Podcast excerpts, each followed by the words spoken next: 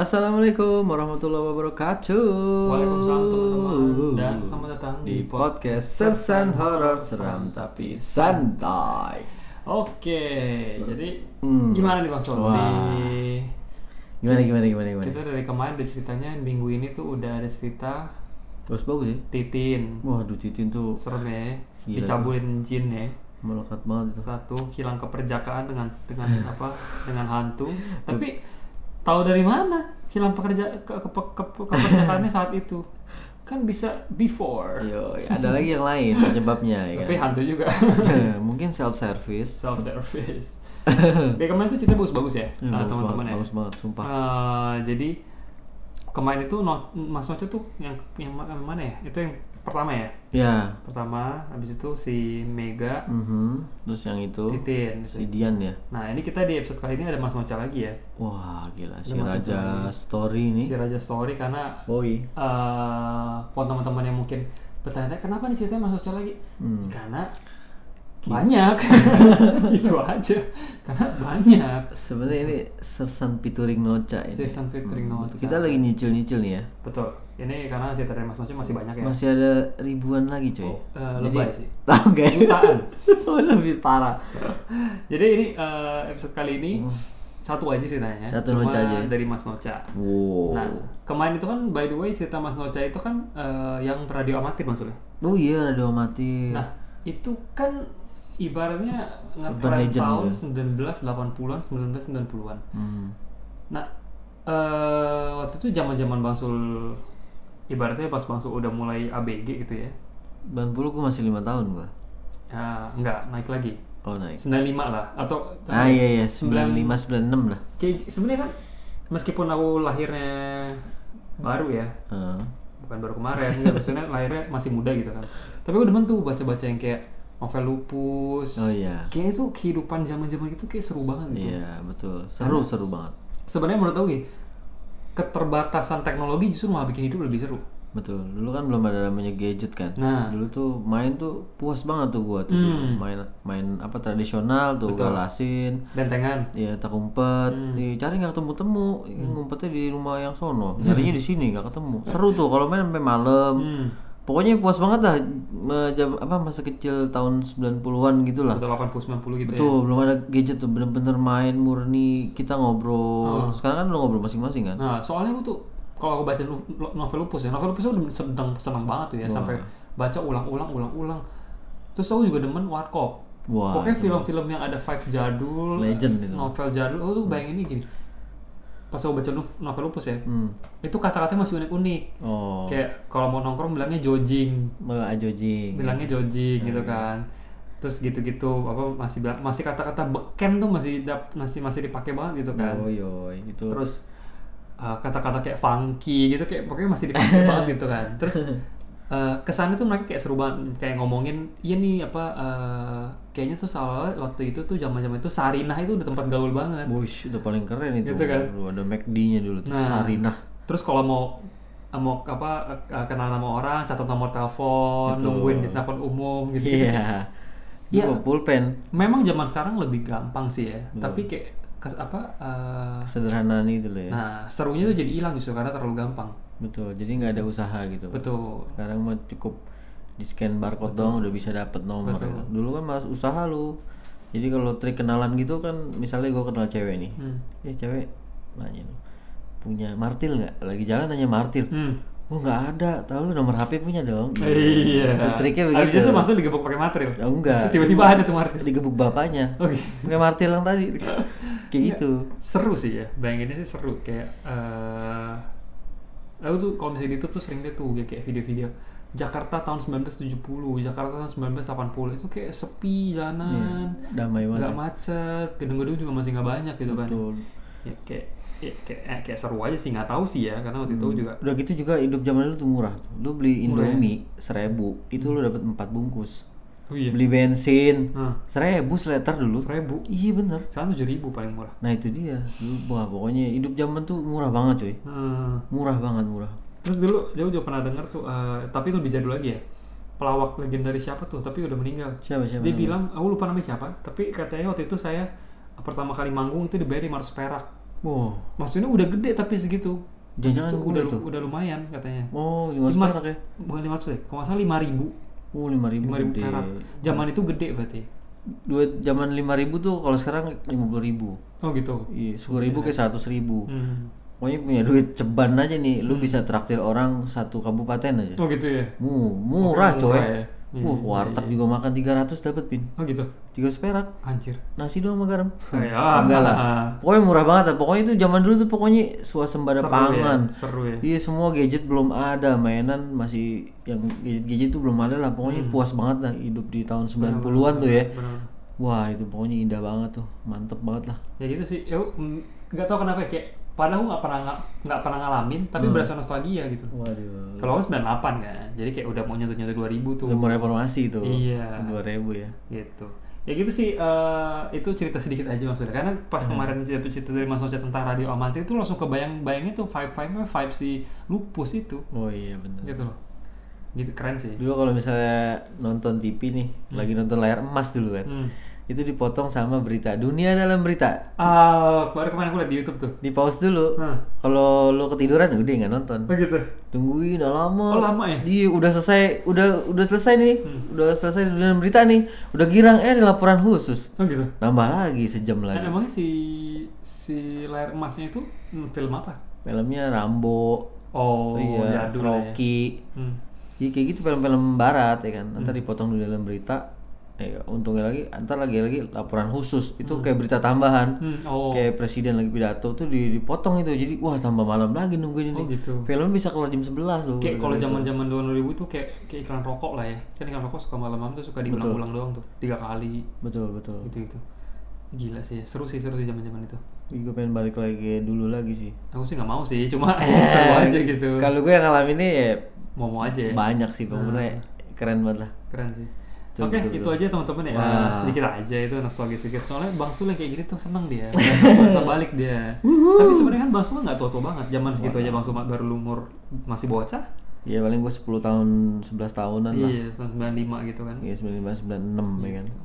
Oke lah teman-teman ya. Eh, jadi kita ada satu cerita dari Mas Noca dengan, dengan judulnya adalah kok sempit. Lah apa ini? Nah, apa itu sempit? Gang sempit tapi celana sempit? Nah, eh, astagfirullahaladzim. Oh kan kalau lo kebanyakan makan celana jadi sempit. Oh iya benar. Itu pinggangnya, Pak. Hmm, Betul betul. Nah, eh, jadi ada cerita dari Mas Noca, satu aja. Satu Eh, nih. Tadi kita lihat sih kayaknya sih serem ya. Kita intip-intip dikit kayak serem tuh. Intip-intip. kita intip-intip dikit kayak serem tuh. Soalnya ada gambarnya. Gambar ya? Kita lihat ya. Wah. Oke, langsung ya teman-teman seperti biasa. Pasang headset kalian Matikan lampu. dan tangkap kengeriannya. Stop sam-sam. Berikut. Selamat mendengarkan.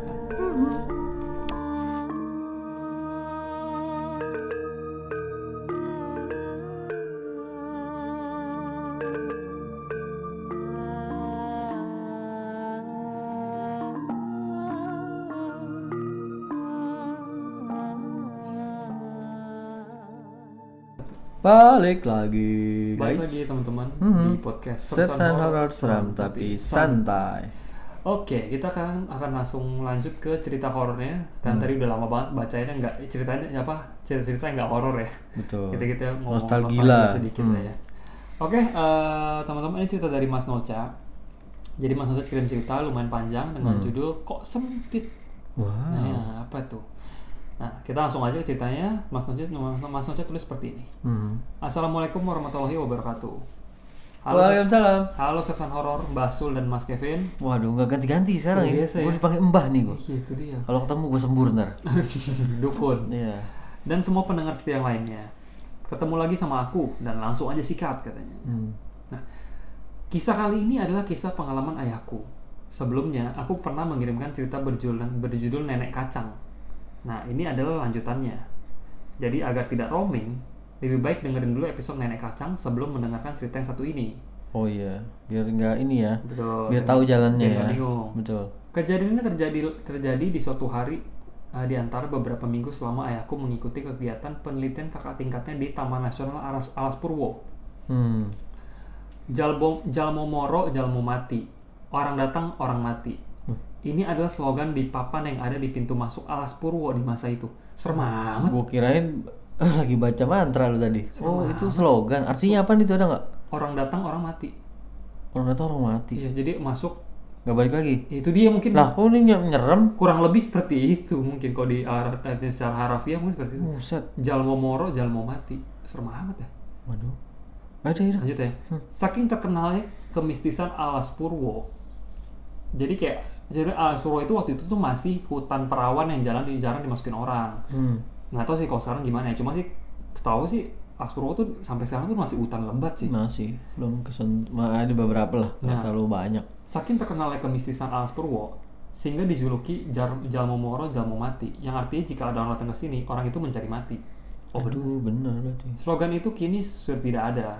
Seiring dibangunnya Alas Purwo sebagai taman nasional yang ramai dikunjungi pengunjung. Oh, udah udah bagus. Dulu ya. Hmm. Hari itu, ayahku dan ke keenam orang teman itu memutuskan untuk berkeliling di Alas Purwo. Penelitiannya, Hmm. mereka ditemani salah seorang ranger hutan yang secara sukarela mau menjadi guide mereka. Mereka berdelapan, termasuk si ranger hutan, memutuskan untuk berkunjung ke dua goa di Alas Purwo, Goa Istana dan, dan Goa Padepokan. Dari pan- dari pan- dari pantai Triangulasi, rombongan berjalan mele- mele- melewati pantai Pancur, Hmm. lalu mendaki bukit menuju ke Goa Istana. Goa Istana ini sebenarnya lokasi yang bisa dibilang sakral. Biasanya orang-orang ke Goa Istana ini dengan tujuan untuk bertapa. Hmm, oke oke. Bahkan di dalam goanya memang disediakan tikar dan benda-benda klinik lainnya. Hmm. Nah, konon di, di goa ini pernah di- Goa Istana ini pernah dikunjungi oleh Bung Karno, Hmm. presiden pertama Indonesia untuk bersemedi. Jadi memang Goa Istana ini terkenal sebagai tempat spiritual di Alas Purwo. Oke oke. Hmm. Ini ada gambarnya, nanti kita akan kasih tunjuknya ya. Wah. Ini udah ada kayak sajian-sajian sajian-sajiannya gitu loh. Hmm, kirain gue bioskop. Hmm. Hmm, bukan, oh, ini, ini, ini kain Oh, kain. Gila Kuning sih. ya. keren keren keren keren. Nah ini bagian dalam goa istana ya yang biasanya digunakan untuk bersemedi. Nah saat itu ayahku dan teman-temannya memutuskan untuk berfoto di depan goa. Di depan goa itu ada sebuah batu yang cukup besar di sebelah kanan. Ayahku naik ke atas batu itu dan berteman-temannya berpose di depan batu dan di samping batu. Setelah berfoto, mereka mencoba untuk masuk ke dalam goa. Waduh, ini mereka foto-foto ya? Aku agak agak bad feeling nih. Kayaknya sih. Kayaknya ada yang gak enak nih perasaan. Memasuki goa istana dilarang untuk membawa alat pencahayaan sama sekali. Oh, kok nggak boleh bawa senter ya? Kan aneh ya. Hmm, mungkin ganggu kali sakral takutnya ya. sakral. Ketika ayahku berjalan, ayahku beberapa kali tersandung. Bukan tersandung batu, tapi tersandung sesuatu yang lebih empuk.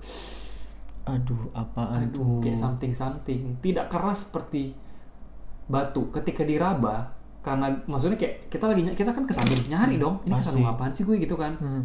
kita raba-raba karena gelap sehingga hanya bisa meraba-raba ternyata ternyata itu adalah orang orang yang lagi bertapa Oh, ke ke ke ke, ke, ke oh dalamnya tuh banyak orang bang Sul lagi bertapa itu nggak cuma satu tapi banyak bahkan ada yang sampai berbenturan dengan kepala ayahku Ya Allah. karena orang itu sedang bertapa topolu topolowo alias ber- bertapa ala kelelawar jadi dia ber- Oh, bergantung terbalik Kepalanya di bawah. kok bisa gitu men Wah, nggak tahu dah tuh.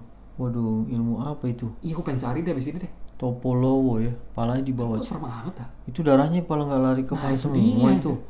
Sungguh aneh, namun kenyataannya seperti itu katanya. Oh, kejedot pala sama kepala ya. Duh. Nah, di dalam goa istana ini juga ada kolam air asin.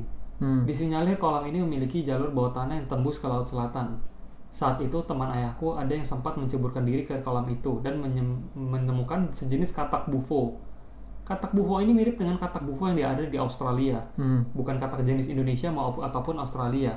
Situ ayahku dan teman-temannya benar mengira-ngira jika dahulu dahulu kala bisa saja Pulau Jawa ini bagian dari Australia. Oh, menyatu. Nah, walahu alam.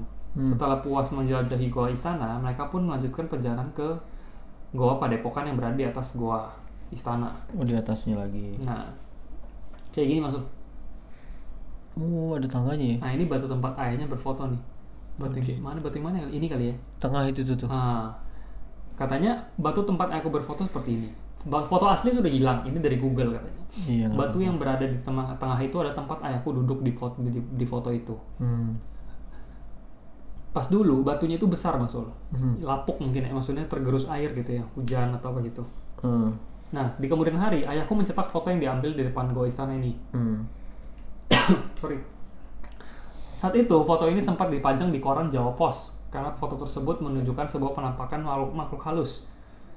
Saat itu mereka bertujuh, si ranger hutan yang memegang kamera dan mot- memotret ayahku dan teman-temannya. Tapi di hasil foto tersebut, terlihat ada satu orang lain lagi yang berdiri Banjir. di samping ayahku. Posisi orang lain itu berdiri di belakang batu. Jika dia manusia, tidak mungkin dia bisa berdiri setinggi itu. Oh. Batu di depan pintu masuk gua ini agak tinggi. Ayahku saja kesulitan untuk menaikinya. Namun orang lain ini posisinya berdiri, lebih tinggi dari ayahku. Badannya tertutup sebagian oleh batu. Hmm. Ayahku duduk di batu itu dan orang lain ini berdiri lebih tinggi lagi di samping ayah- di samping belakang ayahku. Bahkan batu itu bagian belakangnya nggak bisa dipanjat maksud. Karena bentuknya yang belakangnya agak rata tapi tidak memiliki pijakan. Oh. Jika orang lain itu tidak setinggi kurang lebih dari 3 meter, artinya orang lain ini melayang agar bisa masuk ke foto itu. Oh iya iya iya oke oke oke. Sayangnya hasil foto ayahku itu yang ada penampakannya orang orang tinggi itu sudah tidak ada. Hmm. Ayahku tidak ingat di mana ia menyimpan negatif filmnya. Tapi uh, fotoku ini pernah, foto itu pernah dimuat oleh koran yang cukup terkenal di era 90-an. Kita cari aja ntar. Itu cara-cara ya iya. Hmm. Lumayan lah saat itu ayahku pernah dapat uang dari menjual foto penampakan itu ke koran. Hmm. Kemudian semuanya lanjut ke gua Padepokan. Gua ini lebih sedikit lebih besar di bagian dalamnya. Namun pintu masuk gua ini cukup sempit. Tadi kan yang ada orang pertama gua istana ya. Hmm. Nah, sekarang kali ini di gua, di gua Padepokan. Padepokan itu dalamnya cukup besar, tapi uh, pintu masuknya yang sempit. Hmm. Cukup sempit sampai kadang pengunjung yang hendak masuk ke gua ini diharuskan untuk berjalan secara menyamping seperti kepiting untuk masuk ke gua ini. Dinding gua ini di, di- oleh ayahku disebut seperti gigi-gigi kecil yang disusun rapi menjadi dinding gua. Hmm. Kayak gini masuk. Oh gitu. Sempit sih. Sempit banget itu mah. Hmm. Ke- Kecil ya. Nah, ayahku dan teman-temannya masuk satu persatu. Ya, jelas satu-satu. Kalau barengan nggak bisa. Berdua aja nggak muat, tapi rame-rame. Anjir. Sampai akhirnya giliran satu teman ayahku yang bernamanya kusamarkan saja menjadi Siswanto ya, Hmm. atau Sis, bukan tarik Sis ya, bukan. Enggak. Nah Sis ini masuk terakhir. Ayo Sis masuk, Eh. ntar belakangan aja. Gitu. Masuknya yang lain itu. Aduh ntar belakangan aja, takut gitu. Nah gigi uang kembali. Salah ya. Sis, tancap sis. Katanya dia masuk terakhir. Nah Sis ini masuk terakhir dan dia tidak bisa masuk. Hmm. Hal ini aneh. Kenapa? Sis ini kurus. Hmm. Bahkan lebih kurus dari ayahku saat itu. Ada teman-temanku ayahku yang lain yang lebih gemuk dari ayahku bahkan. Mereka bisa masuk ke dalam gua padepokan, tapi sis ini nggak bisa masuk. Masya Allah. Lah, kok sempit sih katanya gitu. Si sis ini bilang gitu. Lah kok sempit sambil berusaha mendorong tubuhnya agar bisa masuk. Hmm. Si ranger hutan kemudian berkata, udah kalau nggak cukup nggak usah dipaksain mas. Namun sisi sebelum menyerah, dia melihat ke atas dan terlihat celah pintu goa di at- sisi atas itu lebih lebar dari yang di bawah. Sis pun memanjat celah pintu goa tersebut dan masuk untuk masuk lewat atas. Posisinya jadi seperti Spider-Man yang merentangkan kaki dan tangannya untuk berpegangan pada sisi pada dinding goa. Hmm. Setelah oke. memanjat, Sis mulai bergerak maju, namun Sis tidak bisa maju. Kok masih sempit ya? Padahal kalau kayaknya kalau lebar kalau lihat dari bawah. Padahal dari dalam goa, ayahku dan teman-teman yang lain keheranan melihat Sis yang tidak bergerak maju. Dia Hmm. seperti sengaja berhenti untuk masuk ke dalam goa. Oke. Tapi Sis ini mengaku bahwa berusaha menerobos celah pintu goa bagian atas yang sama sempitnya dengan yang ia rasakan di bawah. Mas, mas, mas, udah mas jangan dipaksain katanya. Mungkin ada suatu yang ada suatu hal yang mas mas lakukan atau pikirkan yang sifatnya buruk sehingga goa ini menol- menolak mas untuk ma- masuk. Kata si ranger hutan. Hmm. Gua Padepokan ini dikenal sebagai goa spiritual yang digunakan oleh untuk bermeditasi Meditasi. atau bersemedi.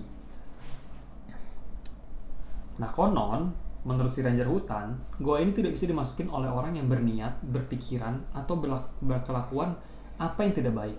Hmm. Oke oke oke. Pada akhirnya, sis dan yang tidak bisa masuk itu menyerah masuk. Dia pun menunggu teman-temannya di luar goa sendirian. Teman-temannya masih sibuk menyusuri goa. Di satu titik, ayahku dan teman-temannya menemukan sebuah bagian goa yang bentuknya rapi seperti lubang besar, berbentuk seperti setengah lingkaran. Hmm. Di situ, ranger hutan mengatakan, udah berhenti, kita nggak usah lanjut masuk ke dalam istana, eh ke dalam ke dalam sana, cukup sampai sini aja. Setelah mereka keluar, si ranger hutan ini berkata bahwa lubang setengah lingkaran itu adalah pintu masuk untuk memasuki dimensi lain. Oh. Oke oke oke. Konon jika nekat masuk ke sana dan berhasil keluar, orang yang masuk itu bisa keluar dari gua lain yang ada di kaki Gunung Raung, Oh, yang jaraknya kurang lebih 60 km. Eh jauh banget. Dari alas. Purwo, Deket Gunung Raung. Itu kalau berhasil keluar, coy. Hmm, kalau enggak, ya udah lu ngasih hari dalam. Liputan 6 keluar. Nah, Wah, gila. Tak lama kemudian ayahku, si ranger hutan dan teman-teman ayahku pun keluar gua melalui celah pintu masuk ke yang sempit itu. Gila, Indonesia tuh banyak banget kayak gitu-gitu ya. Banyak, Keren loh. Pasti banyak yang Keren belum banget. belum bah, belum di Explore. ekspor tuh banyak gua-gua kita loh. Masuk di itu terus bisa pindah. Gaib. Ih, keren sih. Gila ya. Nah, tak lama kemudian ayahku, si ranger hutan dan teman-teman ayahku pun masuk pun keluar goa melalui celah pintu masuk sempit itu. Mereka melewati celah itu dengan mudah sekali. Hmm. Bahkan yang badan gemuk pun dapat keluar goa itu dengan mudah. Hmm. Sis masih bingung dong, lah gimana caranya kan? Iya, kok dia nggak bisa ya? Bagaimana bisa untuk teman yang agak gemuk itu bisa lewat aja gitu? Gua kagak bisa kecil-kecil kan? Hmm. Nah, ini bonus ada ada bonus cerita, agak lucu, agak jorok tapi juga agak mistis. Hmm. Nah, setelah itu setelah itu mereka turun dari lokasi goa itu dan menuju kembali ke pantai triangulasi. Di tengah perjalanan itu, rombongan melintasi sebuah savana alias padang rumput yang disebut sebagai savana sadengan. Hmm. Disebut demikian karena sekitar savana itu ada banyak pohon palem sejenis sadeng. Di kala melintasi savana itu, si ranger hutan tiba-tiba menunjuk sebuah pohon dan berkata, ini nam- ini pohonnya lelaki, Hmm. pohon kontet Oh, gitu ya. gitu. Pohon itu berbentuk seperti kelapa, tapi bukan kelapa. Diameter batangnya ada yang sampai satu meter bahkan lebih. Hmm. Bentuknya kalau di deskripsikan itu ber- berupa batang pohon yang menjulang dan di bagian atasnya ada baru ada dahan-dahan dan daun yang tumbuh lebat.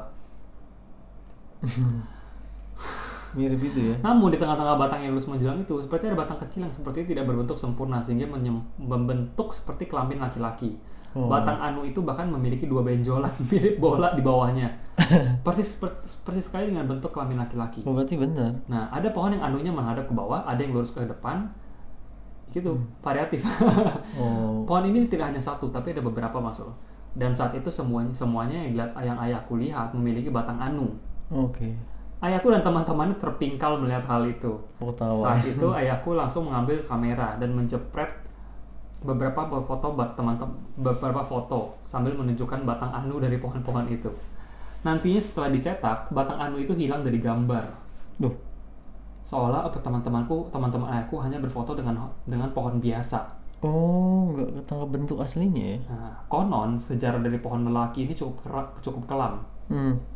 Menurut para ranger para ranger hutan di masa kerajaan Blambangan, Menak Jinggo pernah membunuh beberapa pemuda di daerah ini dan pohon-pohon lelaki ini adalah jelmaan dari pemuda-pemuda yang meninggal dibunuh Menak Jinggo. Oh. Konon tiap malam bisa terdengar suara misterius dari area pohon-pohon lelaki itu. Oh, shit. Suara itu adalah suara tangisan lelaki-laki yang minta tolong. Aduh, ya Allah. walau. Wow. Sekian ceritaku kali ini, semoga bisa menghibur dan terima kasih sudah mendengarkan. Wow. Lain kali akan kuceritakan pengalaman ayahku yang lainnya yang masih terjadi di Alas Purwo. Mhm. Gila ya. Oh, keren keren. Thank you Mas Nocha ya Oh, thank you, thank you, thank you. Ini unik ya. Setiap cerita di penengah kita tuh unik-unik. Kalau ini nggak bisa masuk gua cuy. Gara-gara nggak tahu ngapain tapi Nah, gue masih misteri tuh. Nah, Kenapa dia nggak bisa nih? nggak mau ngaku kali ya. Padahal kan cuma mau ini kan, mau explore doang kan. Explore doang. Om, maksudnya gua ini juga yang nggak bisa masuk orang yang punya pikiran jahat dan Nah, kotor. atau enggak eh, niat buruk gitu. Hmm, berarti koruptor nggak bisa masuk situ ya? Oh, dia mau masuk di mana nggak bisa. Nggak bisa ya? koruptor. Nggak diterima soalnya. Oh, Gitu. masuk neraka aja kalau gitu ya. Wih, kok kita, kita, kita jadi jadi kayak kaum idealis gitu. keren nih keren. Enggak, tapi gue gue penasaran sama temennya bapaknya Nocha tuh. Kenapa nggak bisa masuk loh? Ya, si, si, si- Dengan body yang agak kecilan, teman-teman yang agak gedean bisa Oh masuk. ya? tadi eh, pas disebut Siswanto terus Hmm. panggilnya Sis terus eh, kurus itu bagiannya Aming sih. Iya sih. Oh, oh gue tahu gue kenapa bisa masuk. Kenapa? Nggak punya tiket. Oh, iya, bener. Oh iya bener tiket. Oh, udah. Mas Nosa terjawab ya. Udah ya? Tolong disampaikan ke papanya. Hmm. Bang Sus sudah menjawab itu kenapa nggak bisa masuk, nggak beli tiket. Betul, Nah, betul. nah. Dia beli tiket konser Bon Jovi, padahal Hmm, bener. salah beli kayaknya. Harusnya tiket goa tuh. Kev, Kev, tiket Kev Dia gitu. malah Bon Jovi ya. Hmm, waduh, akhirnya nggak bisa masuk tuh. Aduh. Aduh. gila ya. Eh tadi nama pohonnya ada nggak pe? Pon nggak, Nggak katanya ada ya? mirip, katanya mirip pohon sadeng sih. Pohon Gitu. sadeng. Kita cari pohon sadeng kayak apa? Enggak ya? apa sih? Tapi kalau dekat ke situ nanti basah loh. Kenapa tuh? Kalau dikebelet keluar air tuh. Oh bener. Iya, Tapi kalau pohon sadeng itu kan bukannya dalam itu ya, dalam kaleng. Sarden itu pak. Mohon maaf. Waduh, bapak mau tebakan sama saya? Pasti saya tebak itu. Oke, gini Mas. Hmm, Gimana? Oh nggak mirip ah. Ini ini pohon sadengnya. Katanya Oh. kalau pohon yang satu lagi itu mirip gini tapi ada ada ada bijinya. Oh coba tambahin biji kali. Tuh. Sadeng biji kali. Pohon lelaki. Wah, Nah. nih, pasti keluar nih. Keluarnya enggak enggak nih otaknya. Keluarnya apa nih nih keluarnya nih? Pohon lelaki alas Purwo. Yoi, lebih detail lagi. Terus kata Google coba nanya Yahoo saya nggak tahu. Saya nggak tahu. Malah nyuruh orang. Nggak ada nggak ada ya? Oh ya udahlah, pokoknya begitu dah. Pokoknya begitu dah ya. Tapi di di foto bentuknya kayak pohon biasa. Kalau dilihat bentuknya kayak punya laki-laki ya. Betul. Waduh. Gitu ya teman-teman ya cerita dari Wah, keren, keren. Keren banget. Uhu. Oke, eh, segitu aja episode Wow. untuk episode kali ini. Mantap. Eh, bagi teman-teman yang ingin mengirimkan cerita horor bisa ke at gmail.com ya jangan lupa follow kita di Instagram dan juga Spotify Betul. dan juga jangan lupa cek juga di YouTube ya Ya, kita tidak bosan-bosannya mengingatkan kalau Pasti. misalkan kalian sudah habis episode di pindah mana tuh Spotify, oke kalian pindah aja ke YouTube dan itu semuanya episode baru semua. oh iya pokoknya Jebret gitu. Weh. langsung des gitu Nah, YouTube Baru semua. YouTube nggak ada pindah ke Spotify Spotify ada, pindah ke YouTube nggak ada juga pindah agama Buset. Jangan dong oke Oke teman-teman, jadi eh, segitu aja ya. gitu aja ya Eh, kita mohon maaf kalau ada salah-salah kata. pastinya Uhuy. Kita kalau misalnya ada penyinggung, kita tidak bermaksud sama sekali. enggak enggak ada Ya. maaf maaf maaf Oke teman-teman, eh, sampai situ aja. Oke. Eh, sampai ketemu di episode selanjutnya. Kita Pastinya. ucapkan selamat malam. wassalamualaikum